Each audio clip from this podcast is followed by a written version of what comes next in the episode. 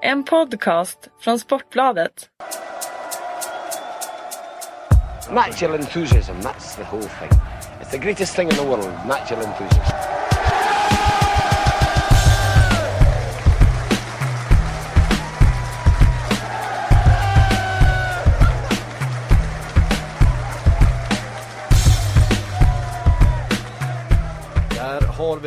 Nytt intro, ny säsong och en ny premiär av Sportbladets Premier League-podd. Eh, Mitt namn är Patrik Syk och med mig i studion har jag Kalle Karlsson och Kristoffer Karlsson. Eh, Välkomna till säsongen 14-15 av Premier League och av Premier League-podden. Tackar, tackar. Hur mår ni? Känns det fantastiskt att det drar igång imorgon?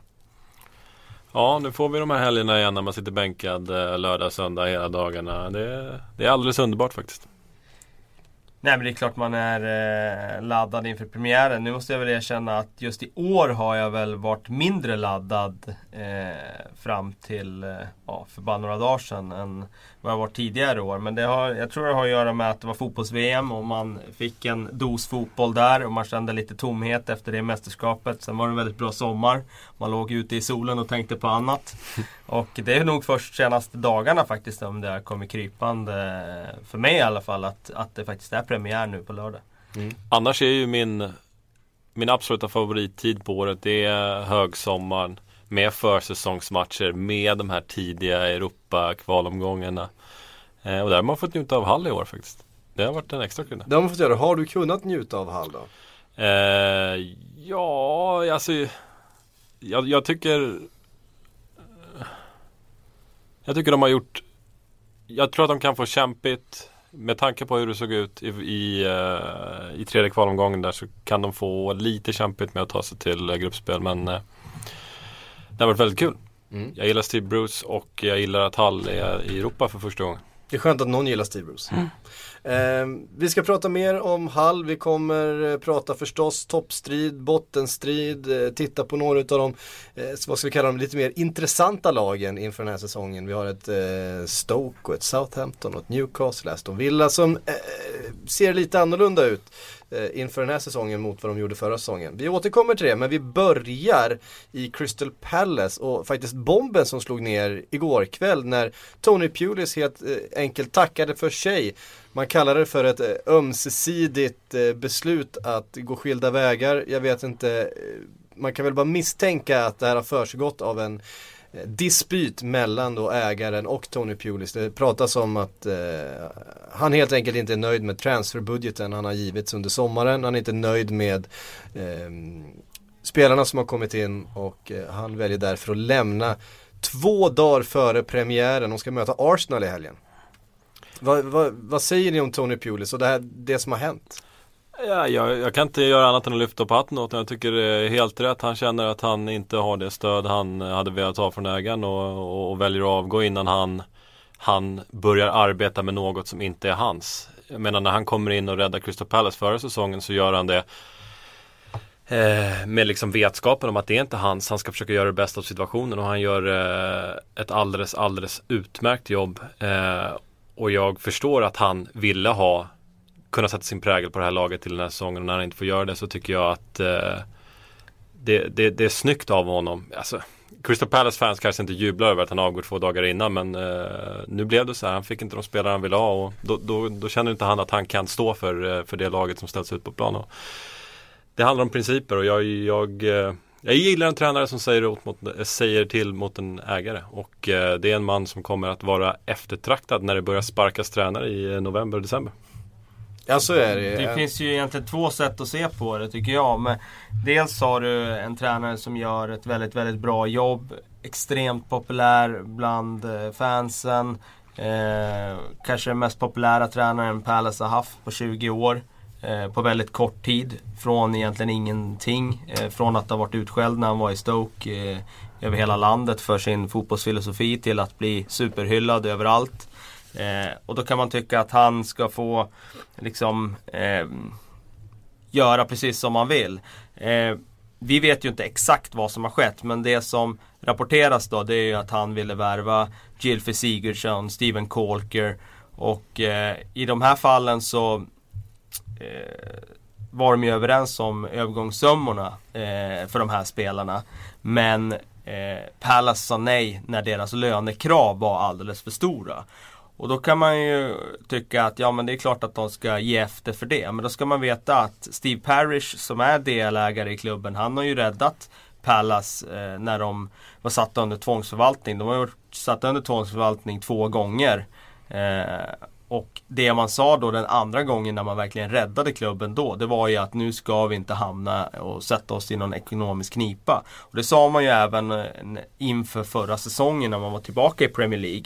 Att vi kommer inte liksom spendera och sätta klubben i, i, eh, i någon riskabel situation och mer utan eh, vi, vi gör eh, billiga liksom, eh, affärer nu och eh, Ian Holloway fick finna sig i det. Sen kommer Pulis in och eh, lyfter det materialet till oanade höjder till en elfte plats vilket var helt fantastiskt. Men eh, jag tycker inte automatiskt att han efter det liksom kan kräva att han ska få spendera hur som helst. Och det är där det finns liksom Det finns ju olika sätt att se på det. Eh, vill du liksom låta allting skena iväg rent ekonomiskt och sätta klubben eh, i en riskfylld situation eller vill du agera hälsosamt? Eh, Steve Parrish har valt att eh, att hålla vid den linjen som Crystal Palace har stått för de senaste åren när de har räddat dem ur den här situationen. Och, ja, då, då, då gick de olika vägar. Mm. Men man kan ändå tycka med de här eh, enorma tv-pengarna som ju även har tillfallit Crystal Palace eh, under förra säsongen som kommer komma den här säsongen också. Eh, som du säger en superpopulär eh, tränare med en klar filosofi med en ambition om att faktiskt ta sig över på, på övre halvan med det här laget. Var hamnar den ambitionen för Crystal Palace nu när man har tappat eh, ja, men sin, sin, faktiskt sin, sin frontfigur för det här projektet om vi ska kalla det då, som aldrig blev hans projekt. Alltså en, en annan aspekt för Parish i det hela, förutom eh, eh, den ekonomiska tryggheten är ju vad som händer med Crystal Palace den här säsongen. När Eh, när du får ett avhopp två dagar innan. Då, då börjar vi helt plötsligt prata om Crystal Palace som en nedflyttningskandidat kanske. Det hade jag inte dem eh, som för tre dagar sedan. Eh, det blir ju liksom, det blir en e- ekonomisk risk i det här också. Nu, nu snackas det om att Tim Sherwood ska ta över. Hur blir det? Vem vet? Men faktum är ju att hade eh, Tony Pulis fått fortsätta med det här bygget så hade deras chanser att stanna kvar i Premier League ökat. Det är jag övertygad om. Mm. Vi kan titta lite på kandidaterna. Jag var inne på Skybet. Det är väl inte alltid den... den eh... det, det, ja, just, ja. Jag vill bara skjuta in en liten Absolut. grej bara om Tony Pulis. Eh, han eh, förtjänar alla hyllningar för det han gjorde i Crystal Palace. Men man ska veta att han är en tränare som vill spendera väldigt mycket pengar. Och eh, om man tittar på de fem senaste åren, åren 08 till 2013 i Premier League så var Stoke det, det laget som var fyra i Premier League på netspend, alltså nettoinvesteringar. Och det är väldigt, väldigt högt. Eh, så att om han då, vilket sägs då, vill lägga 10 miljoner på Peter Crouch som är född samma år som jag är. Det vill säga inte har någon resale value. alltså inte går att sälja vidare. Då är det klart att eh, som klubb då så, så kan du ha en annan åsikt om det. Mm. Ja, man, får ju, man får ju eh, känslan av att han tittar enbart på, på det, den idrottsliga framgången. Kortsiktigt. Och, kort, kortsiktigt och eh, låter liksom styrelse, ägare sköta det ekonomiska. Han ställer sina krav. Får han inte igenom dem, ja, men då, då sticker han och tar egentligen inte någon hänsyn till den ekonomiska verkligheten. Så den känslan fick man ju, som du säger, redan i Stoke. Ehm, där affärerna man gjorde om man tittar på hur, hur, eh, andra klubbar agerar. Att man väljer bort en spelare som är bättre mot en som är yngre bara för att du eh, ekonomiskt är eh, mer gångbart. Hur, hur, hur, ska man ställa sig till, till den filosofin? Gör det honom till mindre attraktiv till exempel? För, eh, ja, för vissa ägare gör det nog honom till mindre attraktiv. För att eh, vissa ägare ser ju det som eh, att klubben ska följa en businessmodell där man liksom kan vara självförsörjande och sådär. Så att eh, det gör det nog. Sen eh, är det klart att det finns eh, klubbar som eh, ser det som eh, att de ska stanna kvar till varje pris i, i, Premier League och då får det kosta lite grann. Som eh, kanske Vincent Tan då, som ändå liksom var beredd att spendera stora pengar på Colker och, och Gary Medell inför förra säsongen. Så att det är lite olika vilken klubb du är i. Mm.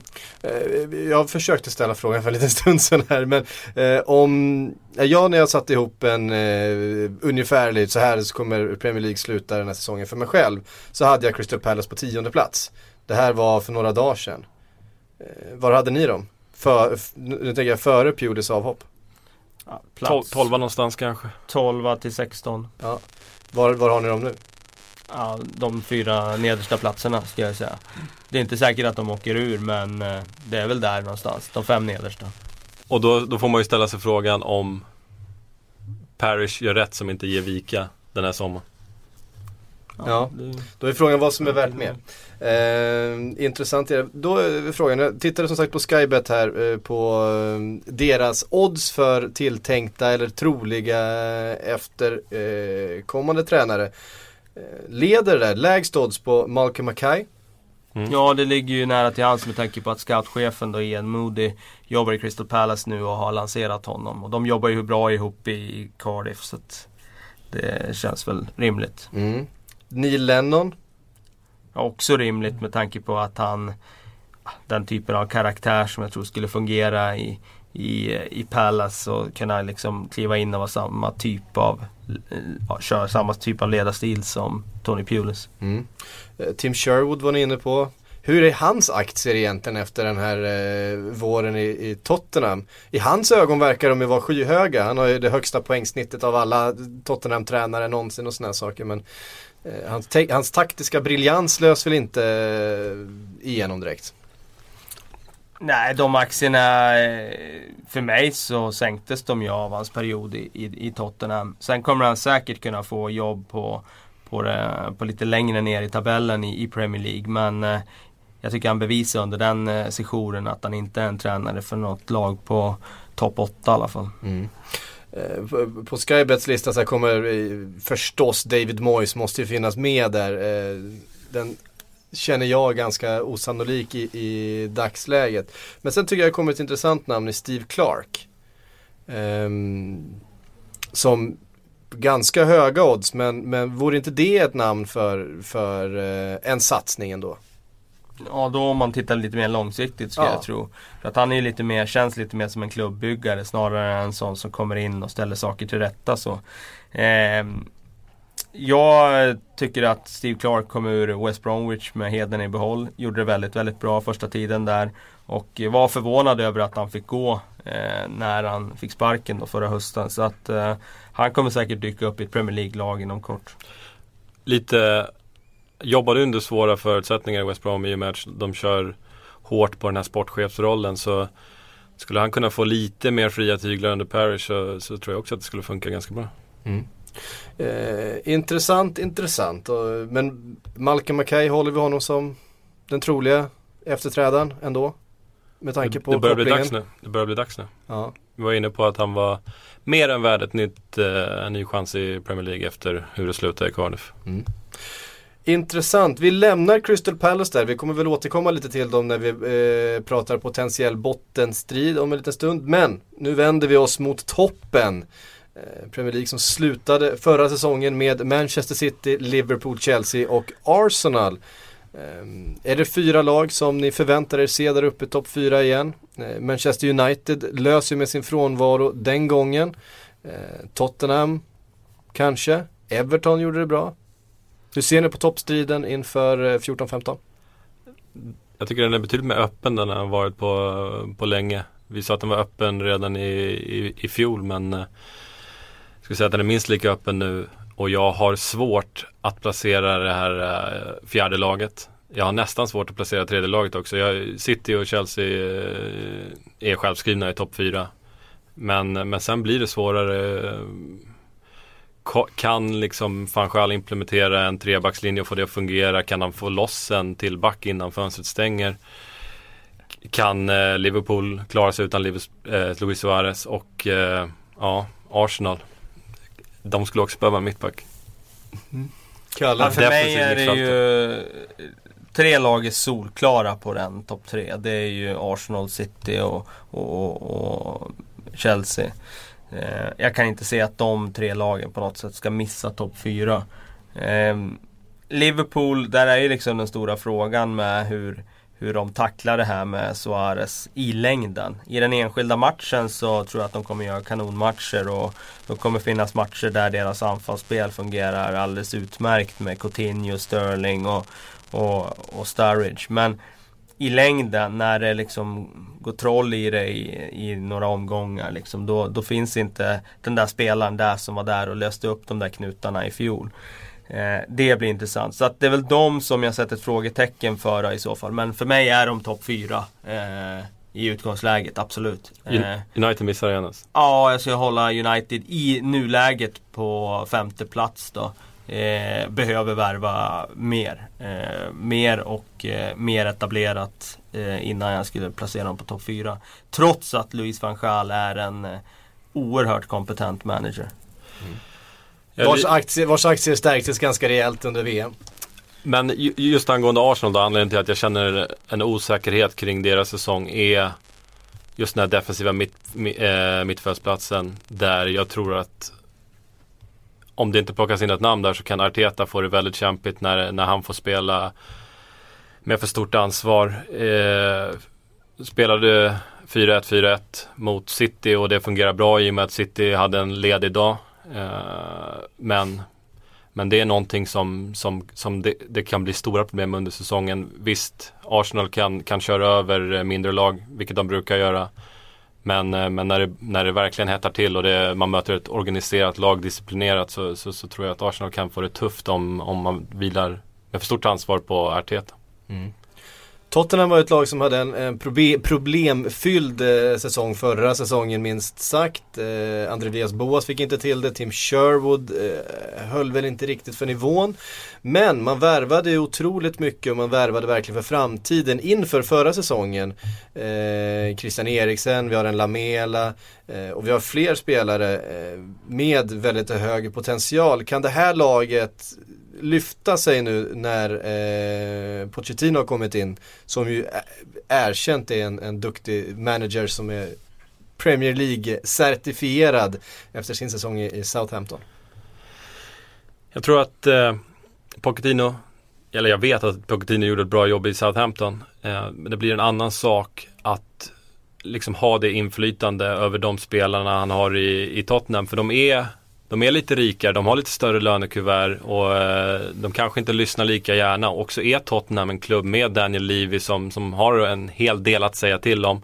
Det räcker med att kolla på Adebayor-exemplet som var, som var helt ute.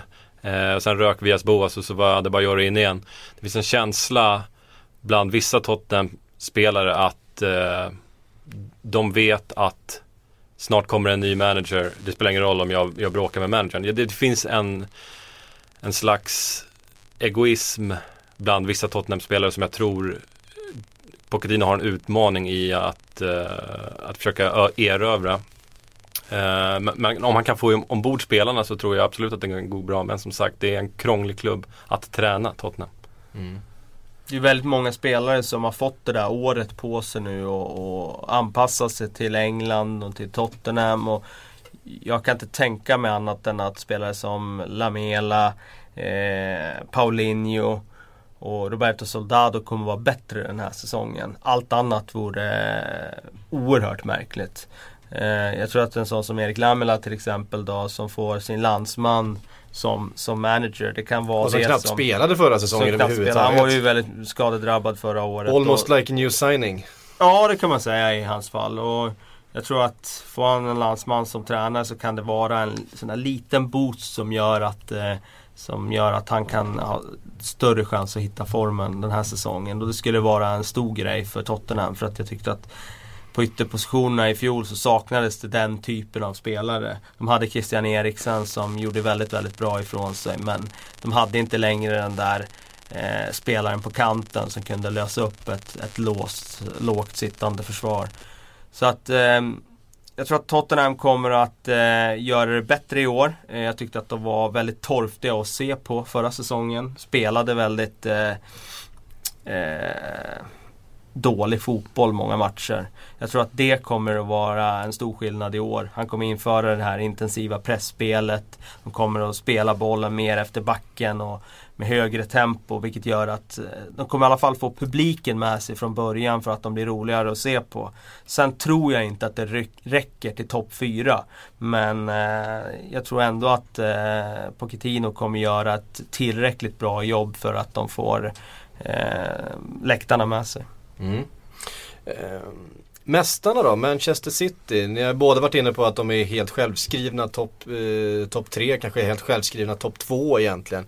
Eh, såg ut som ett komplett lag, hade eh, kanske ligans bästa spelare i Yahya Touré. Eh, det var många som ville ha honom före Luis Suarez har behållit hela laget och dessutom fyllt på de här två luckorna som man kunde ana förra säsongen då i Fernando, eh, Bläckfisken och eh, Mangala. Eh, backen där, båda två från portugisiska ligan. Hur bra är det här City? De är bättre än vad Community Shield avslöjar. Men, eh, det, ja, det får man hoppas. det, det, finns, det finns för mig ett orosmoln också. Just med den insatsen och den inställningen som City kommer till den matchen på. Du nämner Yahya Touré till exempel som, som var sämst på plan. Eh, och det har han ju Sämre än Boyata alltså? Ja jag tycker det. Ah, okay. Jag tyckte inte han eh, Han rörde sig inte en meter mer än vad han behövde Yahya Touré. Och det, vi, du snackar om komplett trupp och sådär men liksom i den här matchen när liksom eh, andra spelare får, får chansen så visar de att eh, Nej, det, det, finns inte jättemycket bakom den eh, otroligt starka elva man har. Sen så tycker jag liksom vad gäller formen eh, på, på, på, spelarna, jag tycker vissa ser ut som att de har tagit extra semester. Jag, eh, och det är någonting som kan bli som det blev i början av förra säsongen, att man är liksom segstartade och då då kan man hamna efter. Nu fick, nu fick ju City en gratis inbjudan tillbaka i titelracet förra säsongen men, men jag vet inte om det går att räkna med det när, när Chelsea är så pass komplett som de är. Mm. Ska vi säga någonting om Chelsea då och deras värvningar? Diego Costa, Fabregas framför allt då, de två stora Ja, tunga. glöm inte Filipe Luis som jag tror är eh, en riktigt, riktigt bra värvning för Chelsea med tanke på att de har ju laborerat med en annan typ av ytterbackar där. Eh, jag menar, Ivanovic är ju fullständigt briljant på sitt sätt men han är kanske inte den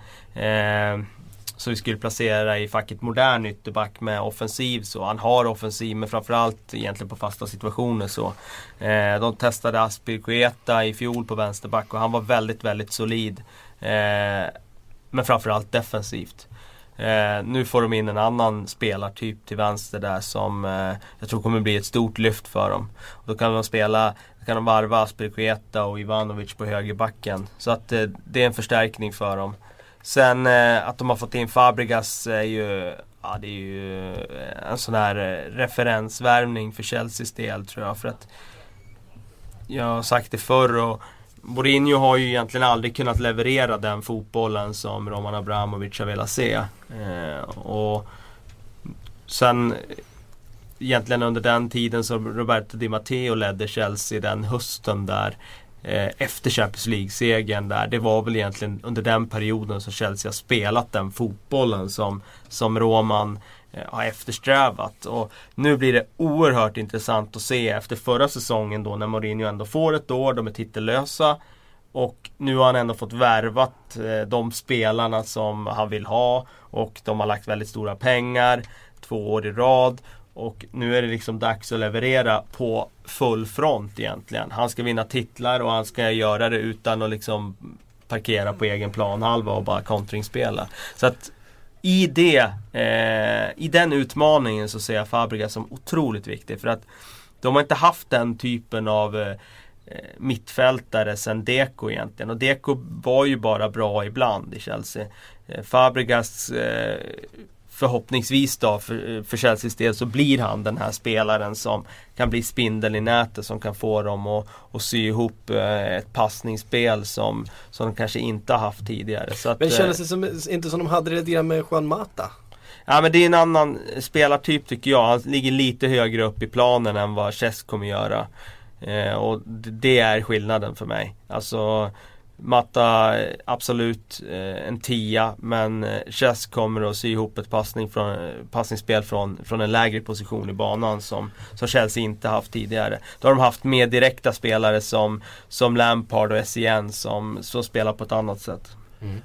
Ja, jag ser Jag ser Fabregas som en nummer 10 faktiskt, bakom Diego Costa. Jag, eh, jag, tror att, jag tror att Mourinho inser att Fabregas är begränsad defensivt och kommer lämna Matic rätt blottad om de eh, bildar ett mittlås där. Jag, jag, jag, tror att det rätta beslutet är att spela Fabregas i en nummer 10 position, få ut 15 mål från honom och, och låta de andra vinna tillbaka bollen för det, det är inte Fabregas styrka. Vilka Eh. vill du ha bakom Fabregas i sådana fall? Matic nämnde du. Eh, ja, alltså det spelar egentligen ingen roll. I och med att du får in, Eh, om vi kollar på backlinjen med Aspilicueta. Så eh, du får över honom, i och med att du värvar Filipe Luis så får du över Aspilicueta på hans föredragna position på högerbacken. Eh, det är någonting som kommer stärka defensiven ytterligare. Så mm, nej, eh, Fabregas som nummer 10, helt klart. Mm. Eh, spännande, vi går vidare då. Eh, Liverpool gjorde ju en, eh, en överraskande säsong förra säsongen. Eh, har tappat Luis Suarez, en av världens bästa spelare förra säsongen får man väl ändå säga. Eh, gjorde 31 mål. nu har jag inte riktigt siffrorna framför mig. Men någonting, någonting eh, strax över 30 mål. Eh, går det att ersätta genom att göra som man har gjort. Man har jämfört dem lite med Tottenham när de tappade Bale. Man har ersatt, eh, ersatt en världsklasspelare med, med eh, potential och talang och bredd. Nej, det gör det ju inte. Det går inte att ersätta den typen av spelare som gör skillnad i, i matcher på det sättet som Luis Suarez gjorde och som Gareth Bale gjorde. Och Det är det som är problemet eh, när man liksom släpper den där spelaren av absolut toppklass. Nu tycker jag att Liverpool har värvat bra. Eh, jag tror dessutom att man kommer få se en utveckling hos spelare som Raheem Sterling som ta, kan ta ytterligare ett kliv. Jag tror att man kan se utveckling hos en sån som Coutinho som eh, också kan ta ett kliv. Och eh, jag tror att de kommer vara väldigt, väldigt bra eh, ändå. Men eh, jag är inte helt säker på att de kanske får till en sån där säsong som i fjol när liksom alla bitar plötsligt bara föll på plats. Och väldigt många spelare visade, liksom hade en formtopp. Jag tror att det kan bli så att eh, någon spelare kommer att underprestera den här säsongen och då, då kommer det ge skillnad. Har värvat åtta spelare den här sommaren. Eh, det är ju anmärkningsvärt. Det är det. Eh, och sålt sin absolut största stjärna. Eh, men anledningen till att jag inte vill vara för liksom down on Liverpools chanser är att bara för att du säljer din största stjärna betyder det inte att du kommer gå under nästa säsong.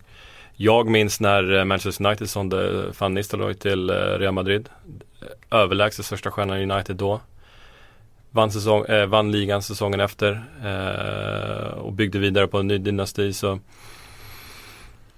jag tror, jag, då hade ju Van Nistelrooy börjat dalat när de sålde honom där. Då var han ju, han var bra fortfarande men han var ju, han har ju varit skadedrabbad och han var ju inte Jag ska inte säga att han var den bästa spelaren i laget då längre. Faktiskt. Men om man, det finns ett annat exempel. Eh, Ronaldo är ett i, bättre i, ex- exempel i så fall. Ja. i, i, I Arsenal när man tappade Thierry Henry till exempel Mm. och, och var väl uppe och slog som titeln säsongen efter. Det var då van Persie slog igenom. slutar två. Ehm, och sen när man tappar van Persie, ja, men då, där har du en klubb som kon, nästan, man tappade Fabregas, man har ganska många gånger brottats med att ha tappat sin bästa spelare. Ehm, men då sitter ju en, en, en Arsene Wenger där som är något av ett fotbollsgeni. Det är väl upp till bevis för Brennan Rodgers då antar jag. Ja, Brennan Rodgers ser jag också som ett fotbollsgeni. Men eh, han har väl inte än så länge visat det på transfermarknaden. Och det är väl där det finns eh, ja, den, det frågetecknet. Då. Hans värvningar inför förra säsongen var ju inte eh, så övertygande. Så att, eh, men eh, nu har de haft mer pengar att röra sig med. Nu har de eh, gått på mer säkra kort. Och eh, många av de spelarna som de har värvat tycker jag ser väldigt, väldigt intressant ut. Mm. Eh, vi var inne på Arsenal, vi kan väl eh, ta en titt på dem också. Alexis Sanchez förstås, eh, the marquee signing som de brukar säga där borta på öarna.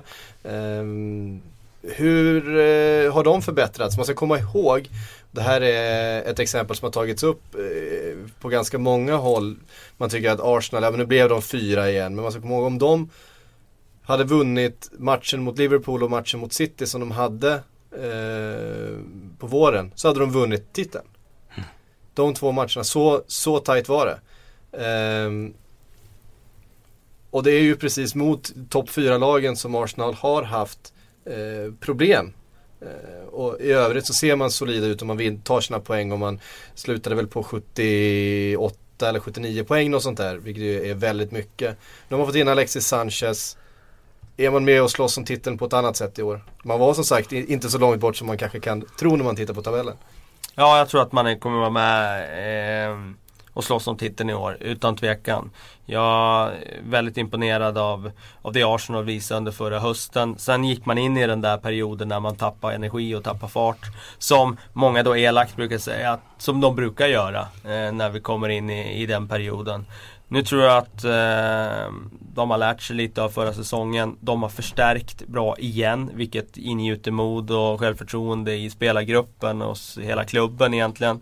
Och eh, bara det faktum att Alexis Sanchez erbjuder så mycket mer som, som offensiv spelare än vad Giroud gör gör ju att de får så många fler dimensioner. De kan hota på ett annat sätt. Och nu kan de spela Giroud i en match och fungerar inte det så kan de, så kan de byta anfallssätt. Och det, det tror jag de kommer tjäna väldigt, väldigt mycket på.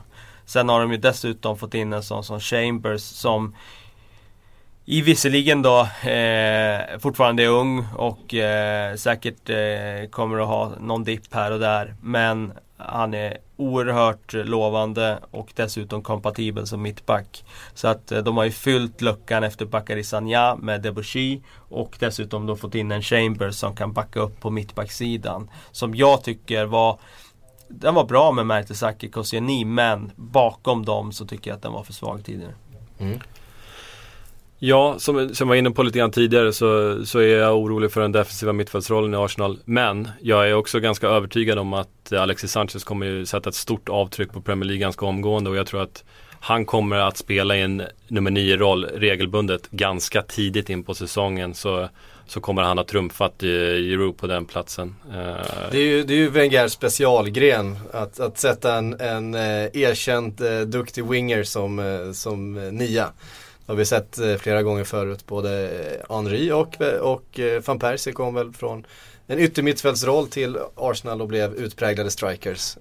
Med hyfsat resultat. Ja, det ska bli väldigt intressant.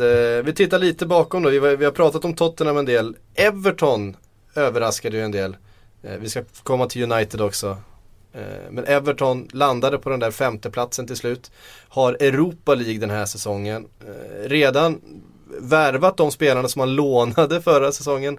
Lukaku har kommit in, eh, Gareth Barry blir kvar. Hur viktigt det är, man har signat upp Ross Barkley på ett långt kontrakt. Men kanske inte förstärkt så jättemycket egentligen.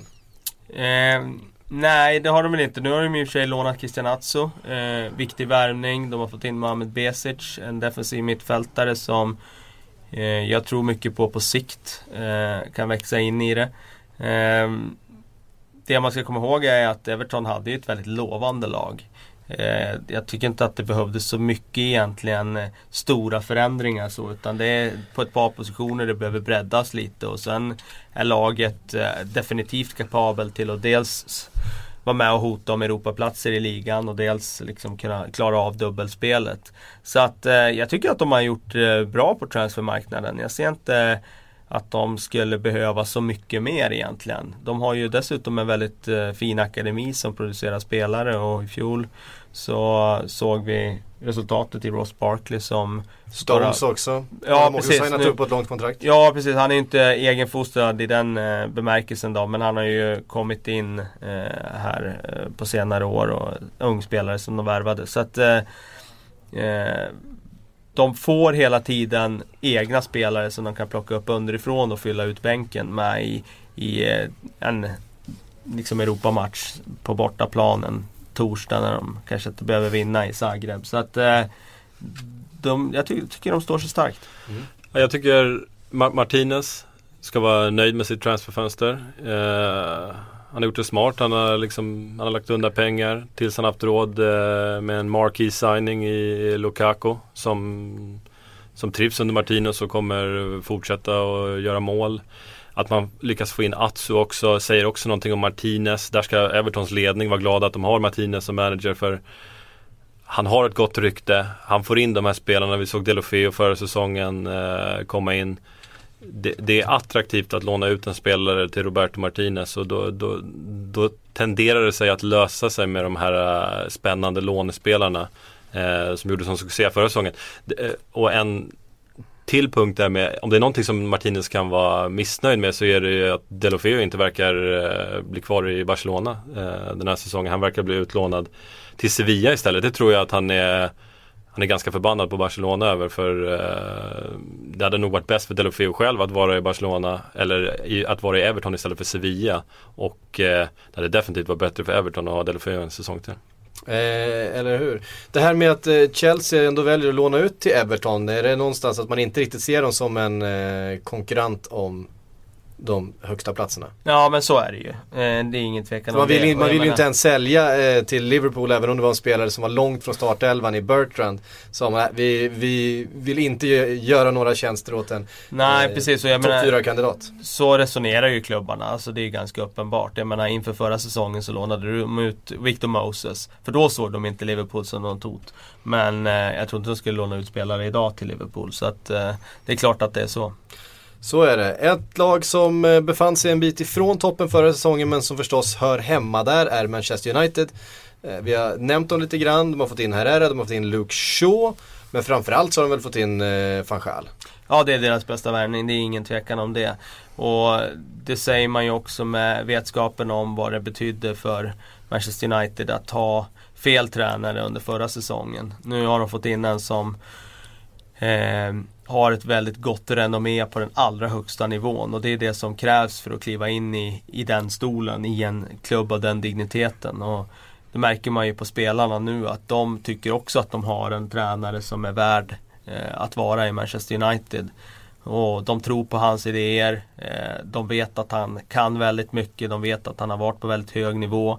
Och eh, det liksom kan räcka med att de ger honom förtroende och då är man inne i den där goda cirkeln där liksom allt flyter på sen. Medan det var tvärtom i fjol när David Moyes redan då uppenbarligen under, redan under försäsongslägret liksom visade att han inte riktigt var redo den uppgiften när han skickade ut spelarna och joggade ute på stranden och han fattade inte att de skulle bli attackerade från fans borta i Australien. Och det, det, jag tror att det, liksom, det är så små grejer som, som gör skillnad. Och, eh, det här är ingen liten grej att få in Louise van Gaal för han är en, en, en liksom, tränare som tar väldigt stor plats och det var det som krävdes i den här situationen. Hyfs, hyfsat självförtroende på van Gaal också. Det är ju inte en, det är inte en tränare som en spelare går upp till, ställer en massa krav på och, och på något sätt ställer sig över.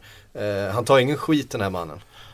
Nej, och eh han ska hyllas. Jag, jag, jag, tycker ett drag som visar hur smart han är som ledare är hur han hanterar Rooney van Persie situationen. Det är ju en fråga som United har haft lite problem med tidigare. Det är två killar som gärna ser sig själva som den största stjärnan i klubben. Eh, samtidigt så ska de eh, hjälpas åt att bära klubben och göra målen. Eh, där är ju van Schaal god, god vän med van Persie. Och där hade det ju funnits anledning för Rooney att vara orolig över hur det blir med van Schaal när han kommer in. Vad, vad blir Rooneys eh, roll i klubben? Då ger Schaal lagkaptensbinden till Rooney så har han liksom arbetat upp ett kapital hos Rooney också. Så jag tycker det, det är ett snyggt sätt att hantera det. Jag, jag tycker Miguel Herrera är Ander Herrera. Ja, Ander Herrera. Nu snackar jag golf här. eh, Ander Herrera är en eh, precis den värvningen de behövde där på mittfältet. Jag tyckte, jag tycker han har varit utmärkt under försäsongen och liksom, det ser ut som att han inte har gjort någonting annat än att spela på mittfält i Manchester United. Kaxigt också utav van Gaal att kliva in som han gjorde i början här och faktiskt såga den stora värvningen som hade gjorts före han kom in då, Luke Shaw. Nej, han är inte tillräckligt bra tränad. Nej, och eh, han har ju mandat att säga det. Alltså Precis, David Moyes där... kan ju inte komma in och säga det. Han... För att han har inte den statusen eh, hos spelarna på den nivån att han kan säga det. För att då, då kan han få en sån spelare emot sig. Nu liksom bockar bara så och tackar och tar emot för att han liksom lägg, fick, fick veta i tid att han borde liksom träna upp sin fitness. Och då blir det positivt istället. Så att... Eh, Ja, men det var, tyckte det var en tydlig signal Ja, där mot, mot, säga. mot supportrar, mot ägare, mot truppen, allting. Att, eh, nej, men jag, jag skiter fullständigt i eh, vart ni kommer ifrån. Nu- Och vad ni har kostat, liksom. Och vad ni har kostat Mm. och, och vilka ni är. Nu är det mitt ord som gäller. Eh, tycka vad ni vill om det. Eh, intressant. Ska vi eh, lämna topp... Eh, är vi överens om att det är de här Vi får väl sju, säkert- sju, sju lagen som är topp sju? Ja, så är det ju. Mm. Eh, sen Sen gissar, är det väl ett gissar jag att vi kommer återkomma till de här någon gång i någon annan podd under säsongen. Det kan, det kan nog säkert vara så att vi kommer prata lite mer om de här lagen. Eh, vi tittar på bottenstriden då. Eh, där förstås, eh, eller ska vi göra så här att vi tittar på nykomlingarna först och sen så tar vi bottenstriden sen. För att ehm, frågan är om alla tre nykomlingarna, det är alltså Leicester, Burnley och QPR kommer finnas där nere. Eh, om du får välja ett lag som kommer göra en överraskande bra säsong KK, vilket utav de här tre eh, är det då? Det kanske inte är särskilt överraskande men jag tror att eh, Queens Park Rangers är det lag av nykomlingarna som kommer göra det bäst. Eh, Redknapp har fått jobba med det där laget nu och jobba med truppen, fått rensa lite grann eh, och ha kvar de som är liksom Harry-spelare som, som han kan lita på. Det är, det är inte den här eh, eh, spending spreen vi haft tidigare utan det, det, det finns en eh, helt annan trygghet i det här laget som, som krigade sig igenom de, de här playoff-matcherna för att ta sig upp eh, till Premier League. Jag, jag, tror att QPR kommer gå stabilt eh, den här säsongen och klara sig med, med lite marginal från ner från strecket. Jag är betydligt mer dyster vad gäller Leicesters chanser. Mm, Leicester som ju sprang igenom eh, Championship förra säsongen.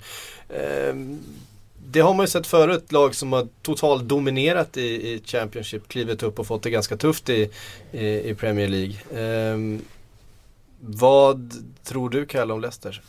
Nej men Det som talar för dem det är ju det här att Vi har också sett lag som har kommit upp och så har de en, ett gäng Championship-spelare i truppen som man inte känner till som Norwich hade till exempel och sen bara Springer de in i Premier League och har absolut ingen som helst rädsla för att möta de här stora lagen och eh, slår underifrån och övertygar. Eh, så att jag tror att Leicester kan överraska många faktiskt med att de har spelare som vill uppåt. Nu har de ju inte, trots att de har de här rika thailändska ägarna så har de ju inte satt sprätt på pengarna och köpt stora namn och liksom värva eh, spelare som är på väg ut för som har sett sitt eh, bäst före-datum. Utan de har ju kvar stommen faktiskt från, från laget som ändå sprang hem Championship på ett väldigt övertygande sätt. Så att jag tror faktiskt att, eh, att Leicester blir en eh, trevlig bekantskap. Sen om de klarar kontraktet, det får vi se. Men de kommer... Eh, jag tror att de kan vara ett sånt där lag som Norwich typ som kommer upp och, och är övertygade. Lilla Burnley då? Ja, där är jag mer tveksam. Trots att de har det Ginger Mourinho som han kallas för, Sean Dyche. Ja, han, blir ju ett, eh, han, han blir ju ett tillskott. Ja, verkligen, det är en färgstark tränare. Men eh, jag har svårt att se att Burnley skulle klara det. Eh, å andra sidan sa jag ju att Crystal Palace inte skulle ha en chans att klara sig kvar i fjol. Och det hade de ju för sig inte förrän de bytte tränare. Men eh, jag har väldigt svårt att se att Burnley skulle klara det. Eh, de, på pappret ser de ut som det sämsta laget. Anledningen till att jag tror lite mer på Burnley än vad jag gör på Leicester är just för att de, de har plockat in eh, Premier League-rutin in, inför säsongen. Medan Leicester kör på stommen som du säger Kalle. Eh, så tror jag att eh, just den här Premier League-rutinen kan fälla avgörandet. Och jag, när jag kollar på Leicester och eh, Uloa, eh, deras marquee signing, de betalade över 10 miljoner pund för honom. Kommer från Brighton, aldrig spelat i Premier League. Eh, gjorde 15 mål förra säsongen tror jag. Det, till att börja med så är det på tok för mycket pengar för honom. Och, eh, och sen så är frågan, kan han, kan han göra mål i Premier League? Det, och då spelar det liksom ingen roll hur mycket han kostar. Nej, så är det. Där har vi nykomlingen. Om vi då tittar på bottenstriden så är det väl där omkring i alla fall vi, vi, kommer, vi kan förvänta oss att hitta nykomlingar. Så brukar det ju vara. Det är ju ganska sällan vi ser en nykomling ta klivet upp på eh, en mitten eller en övre halva till, eh, till och med. Vi, kan man nämna Crystal Palace förra året då, som klarade en tolfte plats som ny, nykomling. Elfte till och med. Ja, el- elfte var det till och med. Eh, det var ju imponerande. Eh, Crystal Palace står dock inför helt andra, eh, en helt annan situation nu när Pulis har lämnat. Vi har varit inne på det. Är det ett lag som eh, finns där nere i år, Kalle? Ja, jag tror faktiskt det. Eh, jag var dock inte så övertygad eh, här innan det, eh, den här bomben slog ner om att de skulle liksom vara ett mittenlag i Premier League. Utan jag tror de hade fått en mycket tuffare andra säsong i, Premier League och tillhört den nedre halvan utan tvekan. Men jag, tror, jag hade inte haft dem på de tre nedersta platserna innan det här skedde. Nu kan det mycket väl rämna. Vi vet ju inte vad som händer. Vi vet inte vem som kommer in och hur det tas emot och så vidare. Men eh, jag tror att de kommer att få vara där nere och kriga liksom från start nu på grund av det här traumat som har skett nu. Sen tror jag ändå om de bara får in ett bra tränarnamn att han ska kunna reda upp det. Men de har en väldigt stark stomme fortfarande och han såg ju vad, vad det gick att göra när man gav den där truppen lite tydlighet. Övrigt i botten? Ja, West Bromwich är ju ett frågetecken med tanke på att de eh, hade en väldigt, väldigt jobbig säsong i fjol. Eh, inte värvat egentligen.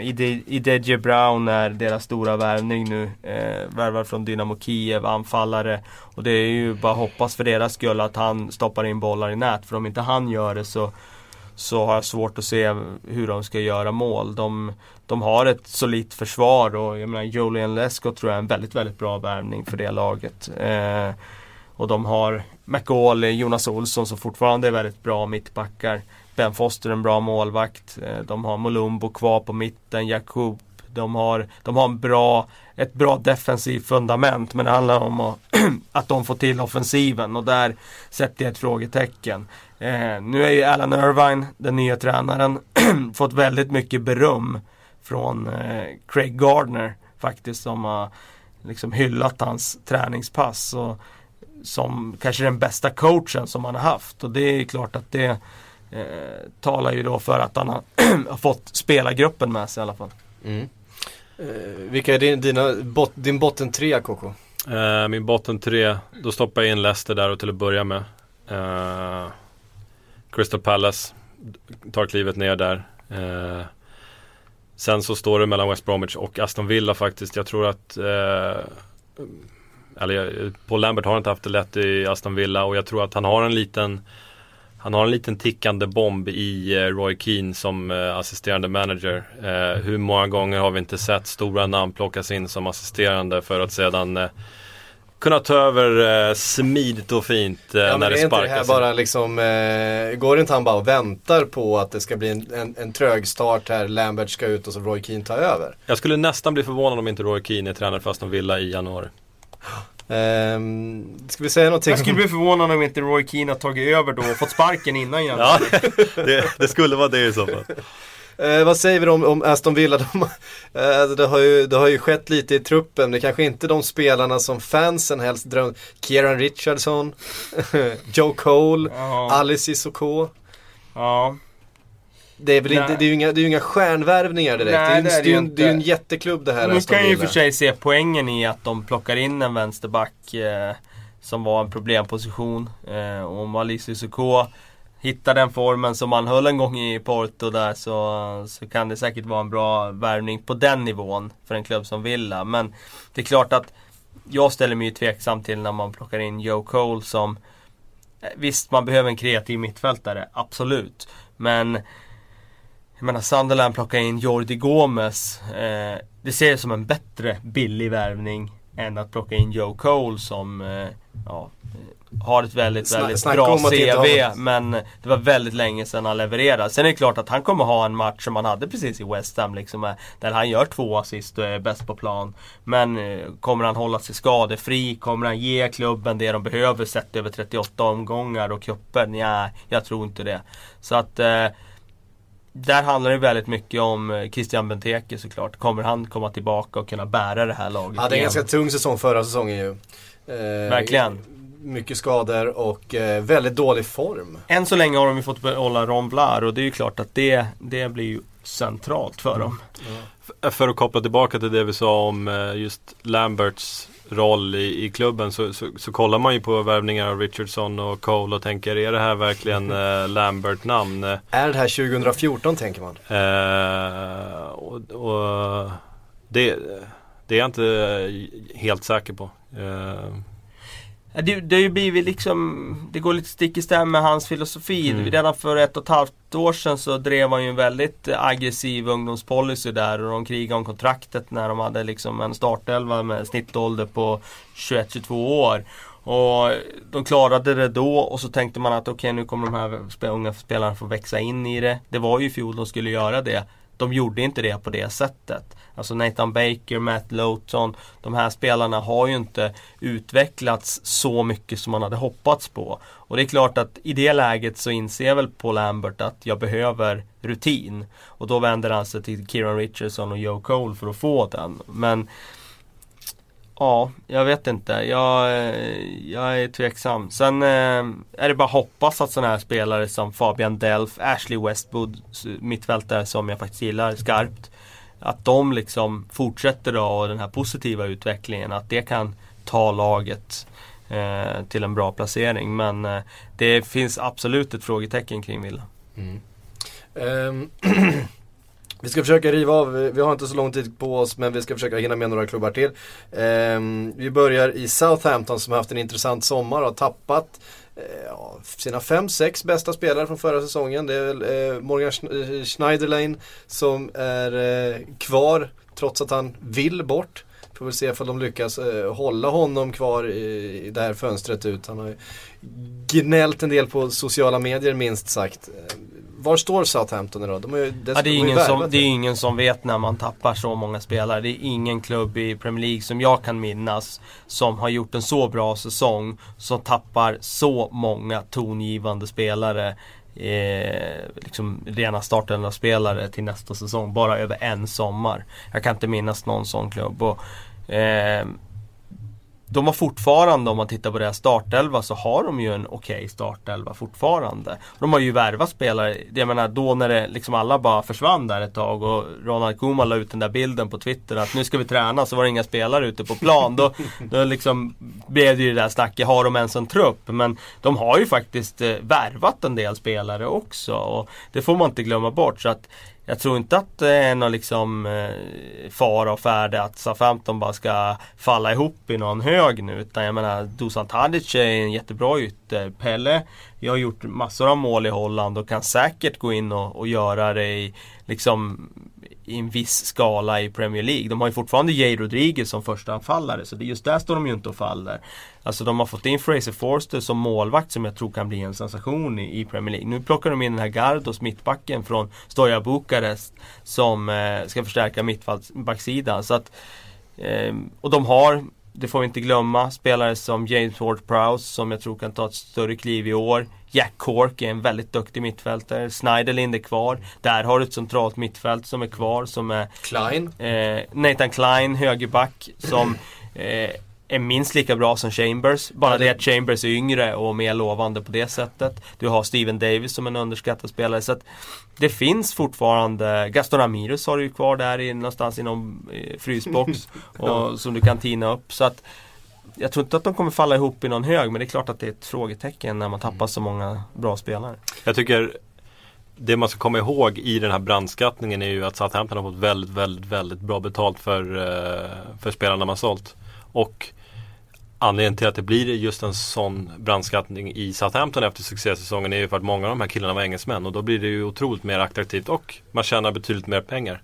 Eh, men de sätter ju sig i en position där de har liksom en miljard in på banken och liksom kan, kan bygga någonting otroligt spännande för framtiden. Sa, toppa det med att man får in ett rutinerat tränarnamn i Ronald Koeman som plockar in Pelle. Med mycket kontakter ska sägas. Mm. Eh, Sen ska man det ju viktigt. komma ihåg de du säger med pengar. Det är ju både för och nackdel med det. Att det kostar ju mer att värva nu. Nu lägger de liksom 12 miljoner pund för Shane, Shane Long. Long, ja, Ja, det- det, det- jag, liksom, jag höll på att ramla av stolen hemma när jag hörde den siffran. Jag menar han köptes för sju för ett halvår sedan. Och han gjorde Och det- inte så många mål i Hall. Och det, jag var, ju, han det var gjorde- ganska bra, alltså saftig pris. Eh, Ja, jag tycker det var liksom, det var, då hade man en tilltagen prissumma då. Och det är klart att han är nyttig. Det är ingen tvekan om Han det. har Han kommer sina stim. nyttig. Han har- ja, han han har har, sina stim. och han, han är nyttig, han löper alltid. Men det är ju ingen 12 miljoner punds anfallare. Alltså det är ingen eh, anfallare som, han kommer ju aldrig göra mer än 10 mål i Premier League. Liksom. Så, Nej. så, så, så blir det ju när, när du har pengar. Det är den klassiska. Ja. Varför kostar Andy Carroll 35 miljoner pund? Jo, för att Fernando Torres kostade 50. Ja, men gemensamt för Carroll och Shane Long är ju att eh, det är Premier League-spelare, det är engelska spelare. Det finns ju värde där ute. Kolla bara på Cabella till Newcastle den här säsongen. Det är värde. Eh, och vi var inne på Pelé. Det, det, är en kille som Koman känner från tiden i Feyenoord. Eh, eh, kommer nog göra det betydligt bättre än eh, Osvaldo även om inte italienarna håller med kanske. Så eh, jag, är inte, jag är inte jätteorolig för Southampton även om, om det, det är klart det, det kommer bli en en helt ny situation här till att börja med. Mm. Jag är mer orolig nu om man skulle börja släppa som Jack Cork nu som uppvaktas av eh, vad det Crystal Palace. Liksom att man börjar släppa den typen av spelare nu också. Alltså nu får de inte släppa fler. Nu, nu har de, de har släppt för många redan. Mm. Men nu måste det sätta stopp och behålla den liksom stommen som ändå den här eh, centrallinjen som ändå finns kvar i Cork och Schneiderlin och James Ward-Prowse och Steven Davis och den typen av spelare. Så att Skulle de släppa fler då blir jag orolig men äh, än så länge så, så äh, tycker jag det ser okej okay ut. Med de värvningar de har gjort och den pengasäcken de har. Kalle, några snabba ord om West Ham också. Eh, där där eh, Big Sam har fått fortsatt förtroende. Det var ju högst osäkert efter förra säsongen men eh, han, ja, han rullar han fått... vidare fansens Fansens missnöje till trots. Ja, och han har fått nytt förtroende och han har fått det med uppdraget att eh, förändra spelsättet lite grann. Och han har gått med på det. Så det blir väldigt, väldigt intressant att se. Kan, han Big spela, Sam... kan han spela på ett annat sätt? Ja, det är det som blir så intressant att se. Så att, eh, eh, det ska bli oerhört spännande att se hur han gör det. Eh, de har ju fått in Ener Valencia, eh, VM-anfallaren som automatiskt kommer vara en annan typ eh, än Andy Carroll. Så att det är klart att spelsättet blir ju lite annorlunda än att bara stå och slå långa bollar upp på Carrolls gässa. Mm. Jag tycker ändå Valencia är lite grann av en chansning. Det är klart han är det. Eh, eller en ganska stor chansning. Jag menar, kolla, kolla på hans VM. Eh, han gör ett bra VM. Och, eh, men det är lätt att stirra sig blind på målen han gör i mästerskap. Han gör två stycken mot Honduras som är mästerskapets överlägset sämsta lag. Och liksom kommer från Mexiko direkt in i Premier League. Jag tror Ja, jag vet, jag, kommer, han, kommer han spela särskilt mycket? Årets, det är han årets El Hadji Diouf. Ja, det är det, det är det som är frågan här. Um, det är alltid riskabelt tror jag att värva VM-spelare som är bra under en månad och sen grundar man sin, sin scouting på det. Uh, nu kostar han dessutom en hel del mm. pengar och uh, det är klart att det finns en, en uppsida och en nedsida med den här och nedsidan i det här fallet är ju, är ju ganska stor. Men uh, vi får se. Mm.